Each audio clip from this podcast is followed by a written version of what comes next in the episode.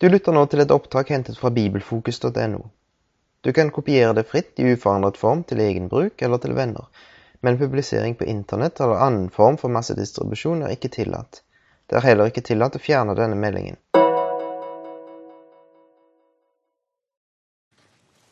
Ja, vel møtt, alle sammen.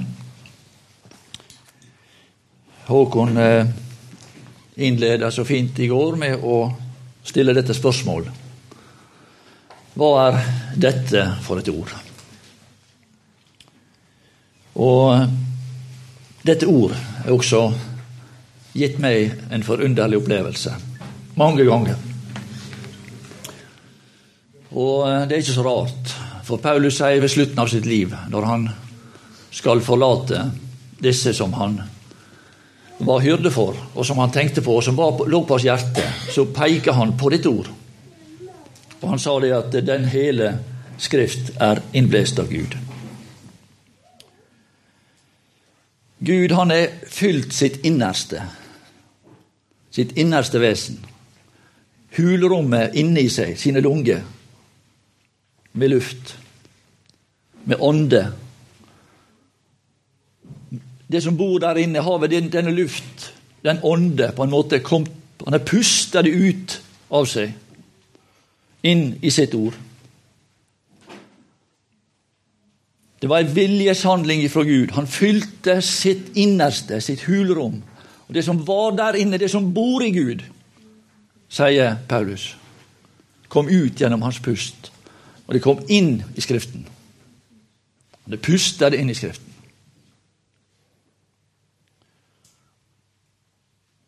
På denne måte så ligger hans innerste vesen ligger inne i Skriftene. Hva er dette for et ord? Og så kan du og jeg gå ved Den hellige ånd inn i denne bok og drage Guds pust til oss. Det som er inne i Gud. Og så kan vi gå ut i denne verden, og så kan det bli vår ånde kan vi puste det inn i denne verden. Vi snakker av og til om, om dårlig ånde. Men dette er ikke noen dårlig ånde. Dette er en god, vidunderlig ånde. Men du skal ikke gå langt i denne verden før du møter all annen slags dårlig ånde. For å gi en idé om hva som jeg hadde tenkt å prøve å si noe om, så vil vi begynne fra 2. Peter kapittel 1, fra begynnelsen. Og jeg mener det at Peter her fortsetter å tale om tema som han allerede har talt om i sitt eh, første brev. Og han skriver Simon Peter, Jesu Kristi tjener og apostel, til dem som har fått den samme dyre tro som vi, ved vår Gud og Frelser, Jesu Kristi rettferdighet. Dette er en hovedtanke som Peter har talt om veldig mye i første, sitt første brev. Og Det som han sier her, hva var det som førte trua fram til disse personene her? Ja, det er middel. Det var ved vår Frelser Jesu Kristi rettferdighet. Og her er Peter allerede avslørt sitt tema. Og det som jeg da vil bare si kort, det er at selve rettferdiggjørelsen er ikke Peters tema. Det at vi blir rettferdiggjort, og er rettferdiggjort for Gud, er ikke Peter sitt hovedanliggende. Nei, det er korleis trua blei ført fram til oss. Det var ved at den Herre Jesus viste oss rettferdighet. Den guddommelige rettferdighet. Og det står om at det var en dyr tro. Og det kan vi kanskje forstå når vi veit hva den Herre Jesus kosta på Peter, og hva det kosta å vise fram rettferdighet, rettferdige handlinger i ett og alt. Hva det kosta for han i livet. Og motstykket til rettferd dette rettferdige liv, det finner vi også omtalt her, både i første og andre brev. I det første brevet så står det et slikt uttrykk som er deres dårlige ferd. Det er motstykket, som var arvet fra fedrene i 1. Peter 1,18. Og litt lenger ute her så står det er deres fordums synder i vers 9. Det er motstykket til den rettferdighet, til den livsførsel som den Herre Jesus viste oss.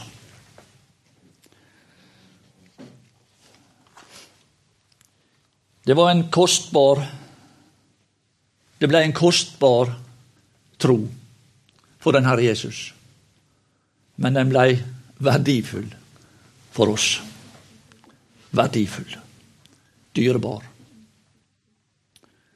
Verdifull for Peter fordi at blant annet så vet vi det at den Herre Jesus kosta på han dette showet i ypperste prestens gård. Det var en av framvisningene av hans rettferdighet. Og det ble en dyr tro, men det var usedvanlig virkningsfullt. Den var kostelig for Gud, står der. Og den blei kostelig for Peter. Peter han fikk der sjå vår Frelser Jesu Kristi rettferdighet.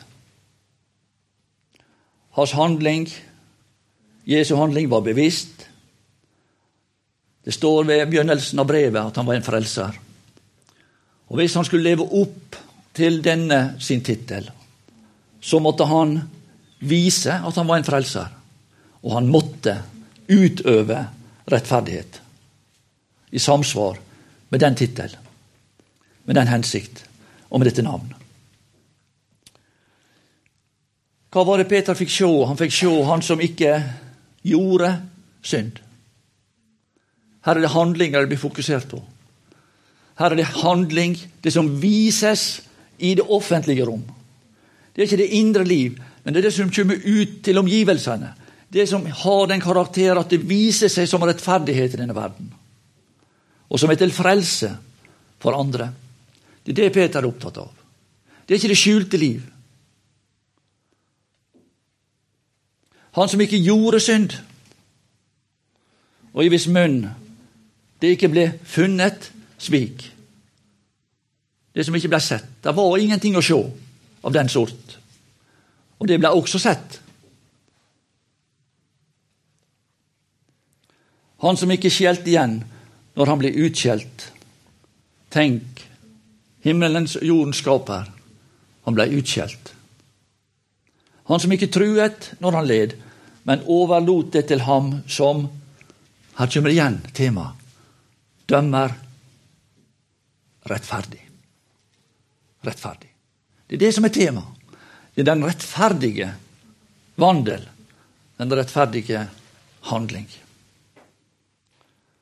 Han løfter sine øyne til himmelen mellom hver gang stokkeslaget falt nedover han. Hva så han? Han så rettferdighet. Det var det han så. Han så ei trone og han som satt på den, han var rettferdig. Og han så han som tilskyndte han til å være rettferdig. Å vise rettferdighet. Og det var et enormt trykk fra denne trone til å holde ut. Vis rettferdighet. Før den inn i denne verden. For dersom den ugudelige får nåde, så lærer han ikke rettferdighet. Han blir ikke stående til ansikt med den person som skal dømme han en dag. Og det er det som er målet. Vi må stå til ansikt med han som vi en dag skal møte, så kan vi aldri bli frelst mens vi lever.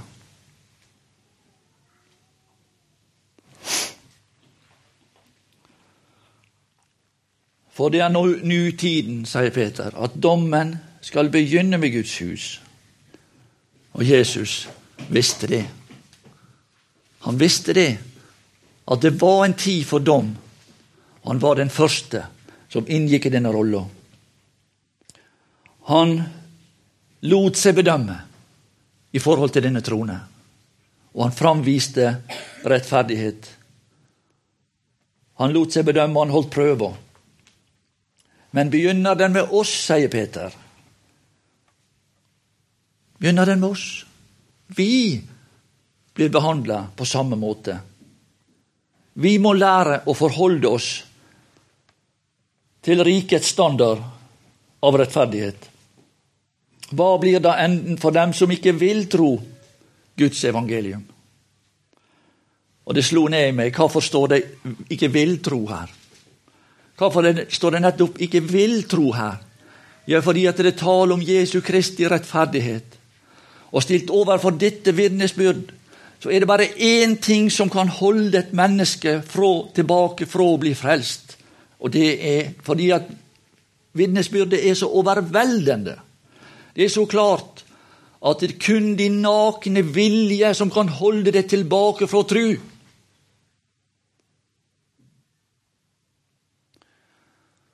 Det står i 1. Peters brev om noen de blir vunnet, står der. De blir vunnet. Men det står ikke det at de blir frelst. De blir vunnet, står der. Men så er det det at de vil ikke bli frelst. De nekter å bli frelst. De er overbevist om at Guds sannhet, at Gud er en levende person, men de vil ikke la seg frelse.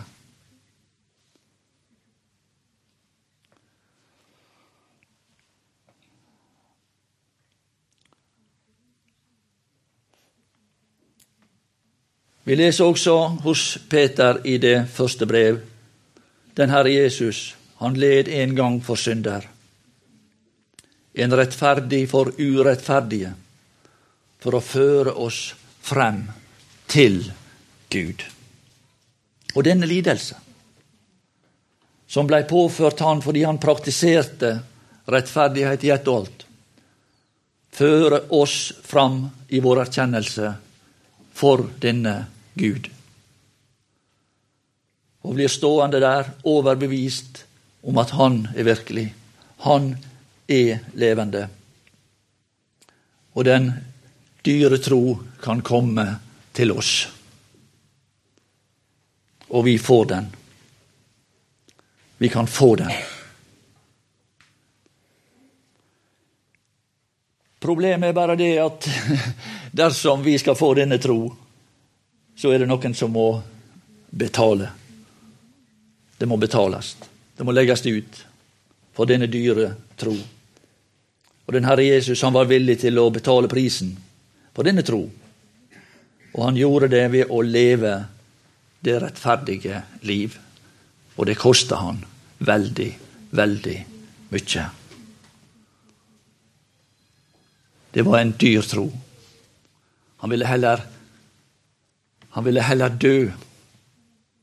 Han bar, står der, våre synder opp på korset. På sitt legeme opp på treet. Og han beviste at han vil heller dø enn å handle mot rettferdighet. Det er det som står der. Han bar våre synder på sitt legeme opp på treet når han var der, så ville han heller dø, heller dø enn å gå imot den guddommelige rettferdighet. Så dyr var denne tro. Så dyr var den.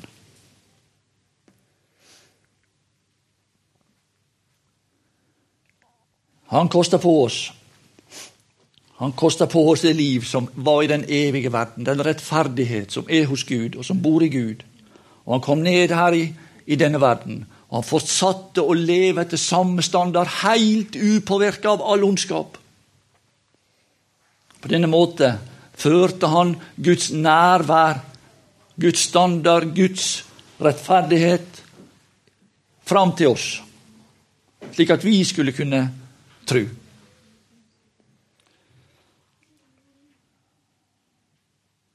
Hvis vi, vi leser der vi sier det i denne bønna som vi kjenner så godt, Fader vår, som vi sier, som i himmelen, så òg på jorden. Som i himmelen, så på jorden. Slik var han. Og det er vår, også vår, utfordring. Så leser vi i vers 2 nåde og fred blir der mangfoldig til del. I det dere kjenner Gud og Jesus Kristus, vår Herre. Ja, straks denne tru er etablert, så kommer det noe ned ifra himmelen. Så kommer nåden og freden flytende ifra Guds himmel og legger seg om vårt hjerte. Og det er sannhet, ikke noen floskel. En slags kristen frase som vi sier av og til i visse sammenhenger. Nei, det er virkelig. Det er virkelig, men hvordan? Hvordan skal dette skje? I det står det i vers 2. I det dere kjenner Gud og Jesus Kristus, vår Herre. Og Dette temaet Peter også talt om i sitt første brev. Mangler vi nåde og fred, venner, så er det fordi vi blir forstørra i vårt kjennskap til vår Herre Jesus Kristus. Eller det kan være andre forklaringer, for så vidt. Eller vi kjenner ikke til hva som ligger innenfor vår rekkevidde. Vi er ikke kjent med dette. Eller vi velger bevisst å se bort ifra det. Vi bryr oss ikke. Og I 1. Peter 1,20 står det han som forut var kjent, i det dere kjenner Gud. Men det var en som kjente han før. Ikke sant? Det var en som kjente han før. Han som forut var kjent. Det samme uttrykk, samme tanke. Før verdens grunnvoll ble lagt. Kjent av Gud, ukjent for oss. Ukjent av verden, ukjent for meg og deg. Så er det at det har blitt tatt en bestemmelse hos Gud, i Gud. Nå skal de få kjenne det som betyr alt for meg. Nå skal de som ikke kjenner min sønn, få lære han å kjenne. Det som ga Gud tilfredsstillelse, nytelse, glede, skulle bli kjent av oss mens det blir åpenbaret ved tidenes ende for eders skyld. Det var oss han hadde i tankene.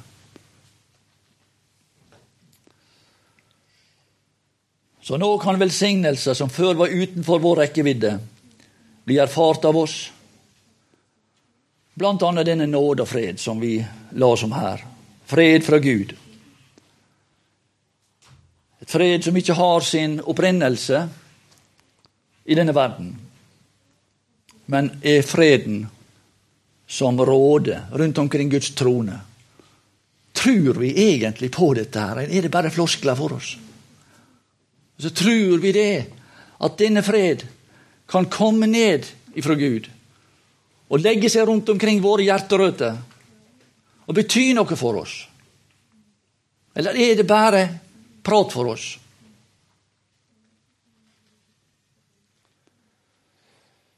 I det dere kjenner Gud, i det. Det på den måten det skjer. Og Jesus Kristus, vår Herre, står der i to. Andre Peter 1,2. I det dere det, I det dere kjenner Gud og Jesus Kristus, vår Herre. Og I 1. Peter 1,20 står det dere som ved ham tror på Gud. Dere som ved ham tror på Gud. Ved ham.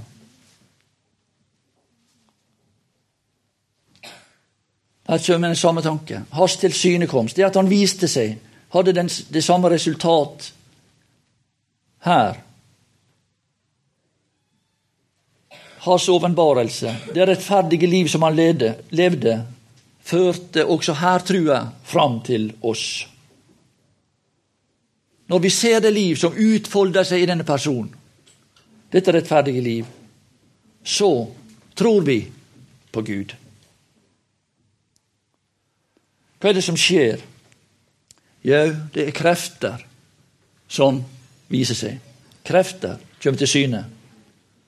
Vi får del i krefter som er i virksomhet i Guds sønn. Hans guddommelige makt står der i vers 3. Hans guddommelige makt. Det viser seg krefter. Krefter kommer til syne. Har gitt oss alt som tjener til liv og Guds frykt. Det måtte en guddommelig kraft til for å leve dette liv, for å vise dette fram, for å føre det fram til oss. Og Det er akkurat den samme makt som blir omtalt i 1. Peter 1. Dere som ved Guds makt holdes oppe ved troen. Dette er den nye livskraft. Den er ukjent for alle som er så uheldige fortsatt å leve i denne verden. Den som ikke får del i guddommelig liv. De som fortsatt er på denne sida av død og grav, og ikke fått flytta inn bak døden, inn til den levende bak død og grav.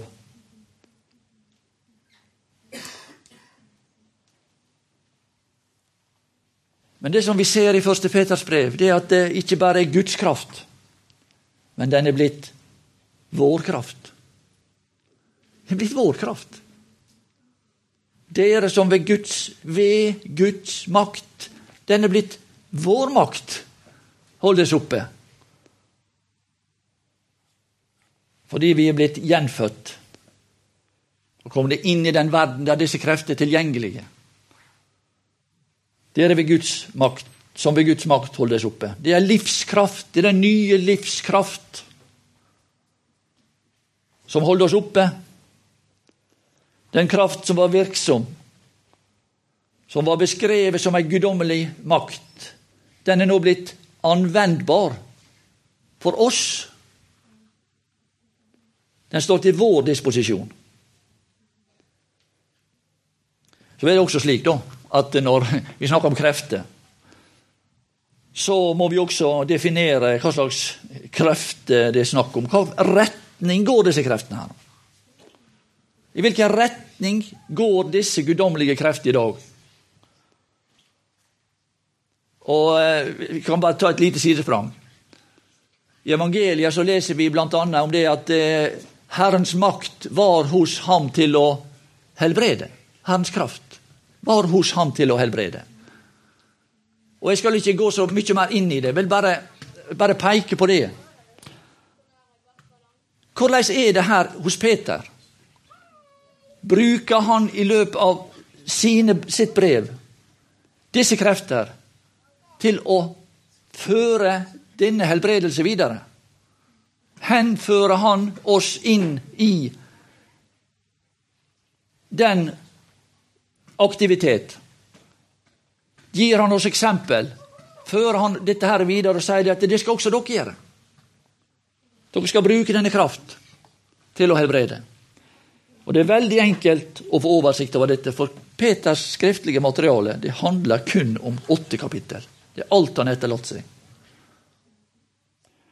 Og, hvis, og det, det påtagende at dersom Peter sier det at disse krefter han som gikk med den Herre Jesus og så alle de ting han gjorde.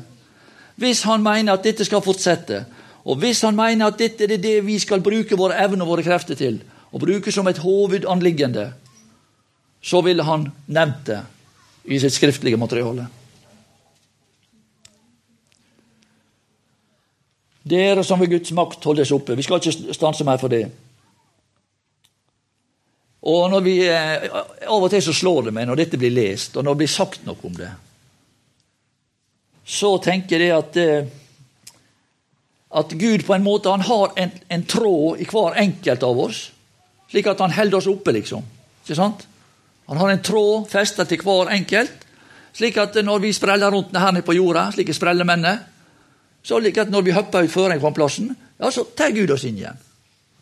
Dere som ved Guds makt holdes oppe. Er det slik det virker? Jeg tror ikke det.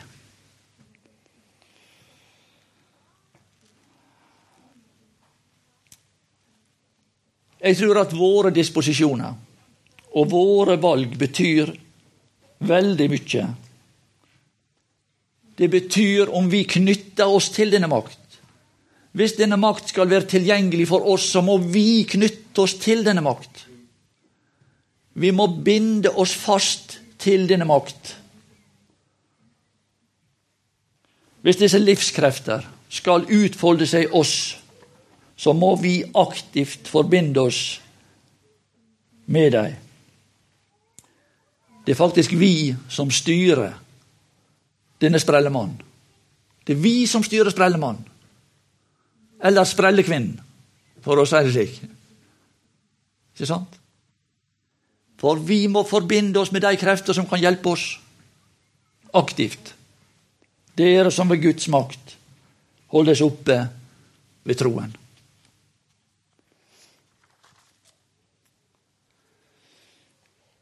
Peter sitt store tema Jeg skal prøve å sammenfatte det. Det er nemlig dette. Den Herre Jesus han viste seg her ved tidenes ende for vår skyld. Slik at vi skulle kunne tro på Gud. Han gjorde det mulig for oss ved sitt rettferdige liv å tro på Gud. Dette skal gjenta seg i hver enkelt troende etter samme prinsipp som han levde, og bli et overveldende vitnesbyrd til frelse og velsignelse over den hele verden. Det er Guds tanke.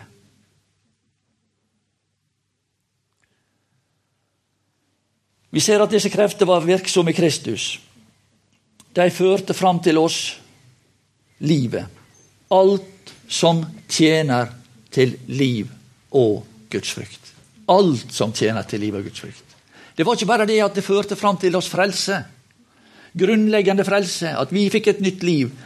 Men vi fikk i tillegg alle de ting som vi skal leve av. Som vi skal ha som livsinnhold, og som vi skal føre videre til våre omgivelser. Det ligger også i denne frelse.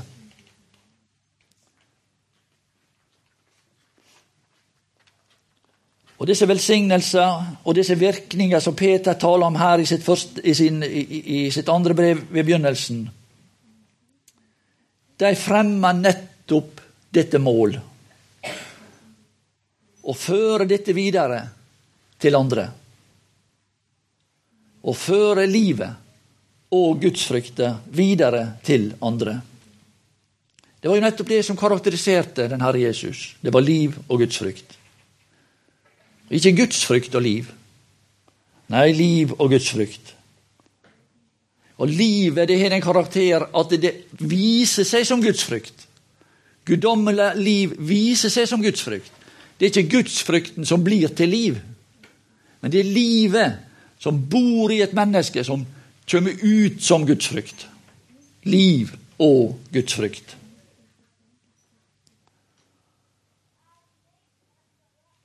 Han ville føre dette til, videre til oss, slik at vi skulle kunne utfolde det samme liv og den samme gudsfrykt. I det dere kjenner Gud. Vi skulle kunne kjenne Gud. Og uten kjennskap ligger dette mål aldeles utenfor vår rekkevidde. Det finnes ikke noen mulighet for oss å utfolde dette guddommelige liv dersom vi ikke kjenner og lever i et nær relasjon til den Herre Jesus.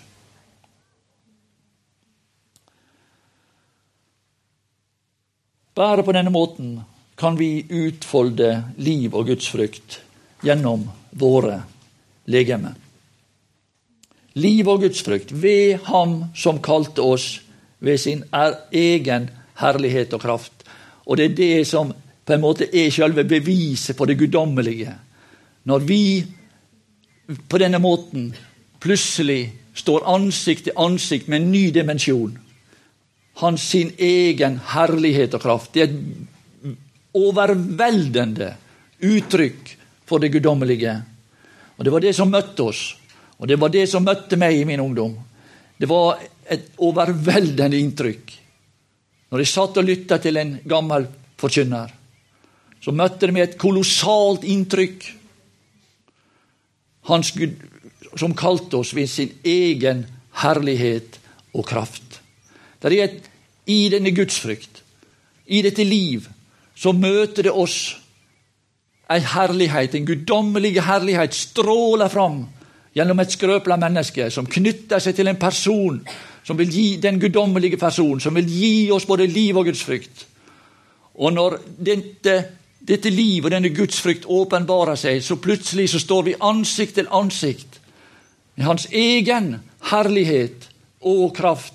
Mennesket forsvinner, og den guddommelige person stiger fram.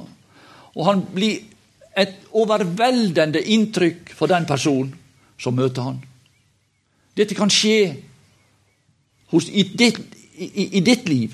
Det kan skje i mitt liv. Og Det er det som er målet for hver enkelt av oss. Det er det som er vår tjeneste. At vi på denne måten, ved å knytte oss til Hans rettferdighet, at det blir, et, at det blir liv og gudsfrykt i oss, så kan vi bli til slutt et uttrykk for Hans egen herlighet og kraft. Det kan bli åpenbart gjennom vårt vitnesbyrd, gjennom vårt liv i denne verden.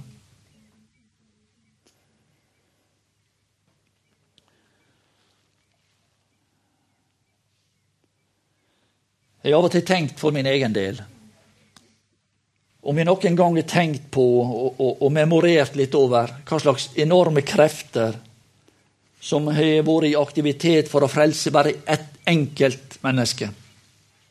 Hva som skal til. For min egen del har jeg tenkt på krefter som er på en måte kommet fram til oss gjennom mennesket. For det må, det må kanaliseres gjennom personer.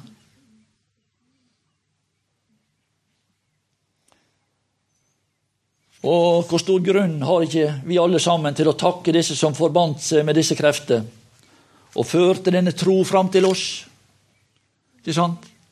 Som var med og løfta oss ut av vår situasjon. Det kan av og til være godt å tenke på. Jeg tenker også på Moses i den forbindelse. Han forbandt seg med guddommelige krefter. og Han tok to millioner mennesker ut av Egypten. Han var en person som forbandt seg med guddommelige krefter.